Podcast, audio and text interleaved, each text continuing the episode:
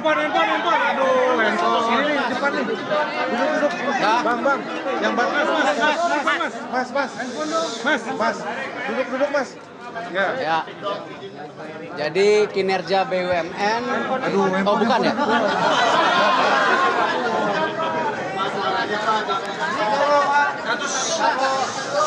Meliput BUMN wartawannya nggak sebanyak begini, luar biasa sepak bola ya. Hah? Mas, mas. Ya tentu saya mau ucapkan terima kasih atas kepercayaan yang sudah diberikan oleh para pemilih, masyarakat Indonesia, supporter, wasit, pelatih, pemain. Tetapi yang kita harapkan dan kita lakukan hari ini ini belum merupakan kemenangan.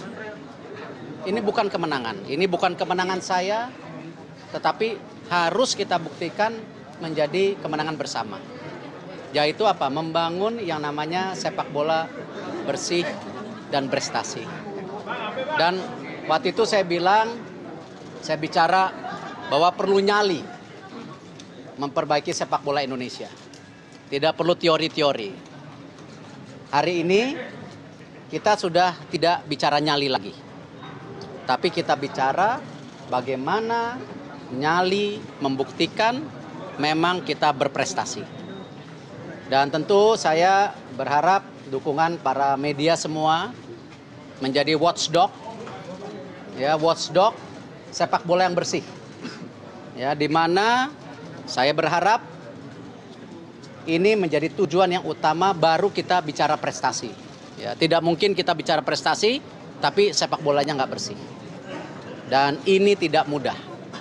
Dan tentu tugas terberat ini 94 hari lagi kita menghadapi kejuaraan dunia umur 20. 94 hari lagi. Ini angka yang hari yang benar-benar luar biasa. Ini event terbesar kedua daripada FIFA. Dan tidak mungkin Indonesia 10 tahun sekali dapat kejuaraan dunia umur 20. Tidak mungkin. Artinya apa? Martabat bangsa kita ini tidak hanya di penyelenggaraan yang utama, ini kita pertaruhkan. 94 hari lagi. Tentu untuk tim nasional, saya akan segera berbicara dengan para pelatih pemain, apa yang kita bisa support untuk mereka, mereka berikan yang terbaik. Tidak mudah, tapi kita coba berikan yang terbaik. Itu saja dari saya. Mungkin ada teman-teman tiga pertanyaan cukup ya karena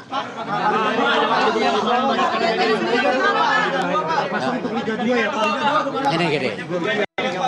Kalau bicara masalah pembenahan, bicara Liga 2, Liga ada Timnas, kan saya sudah bilang, dua minggu lagi kita akan adakan sarasehan sepak bola. Di mana sarasehan bola itu kita akan bikin per kelompok, Liga 1, Liga 2, Liga 3, Timnas, perwasitan, kepelatihan, futsal, sepak bola wanita. Nanti kita bikin kamar-kamar sendiri.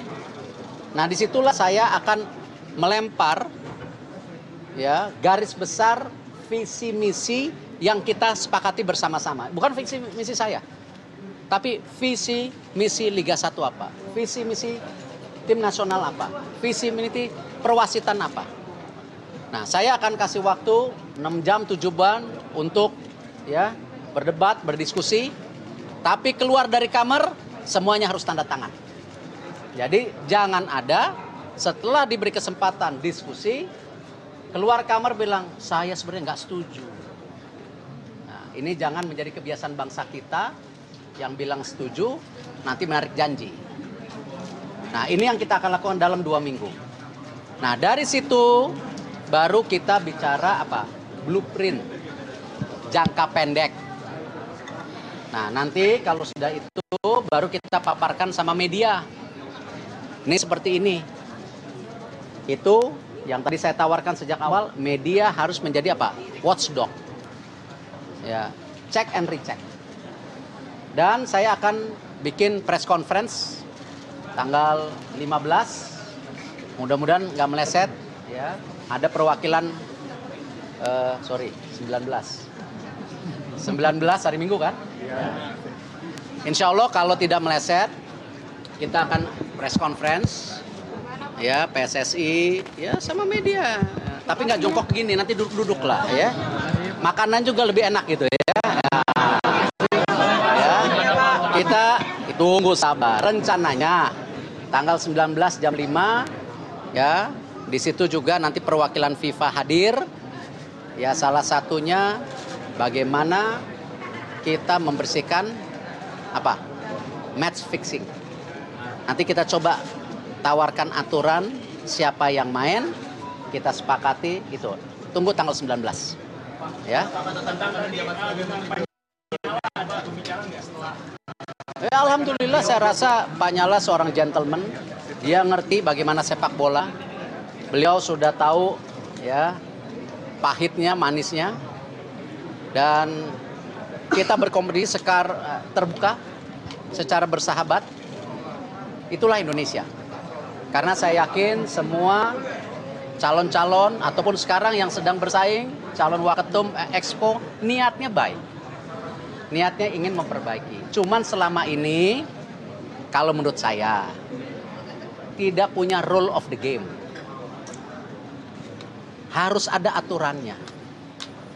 Ya, harus ada aturannya.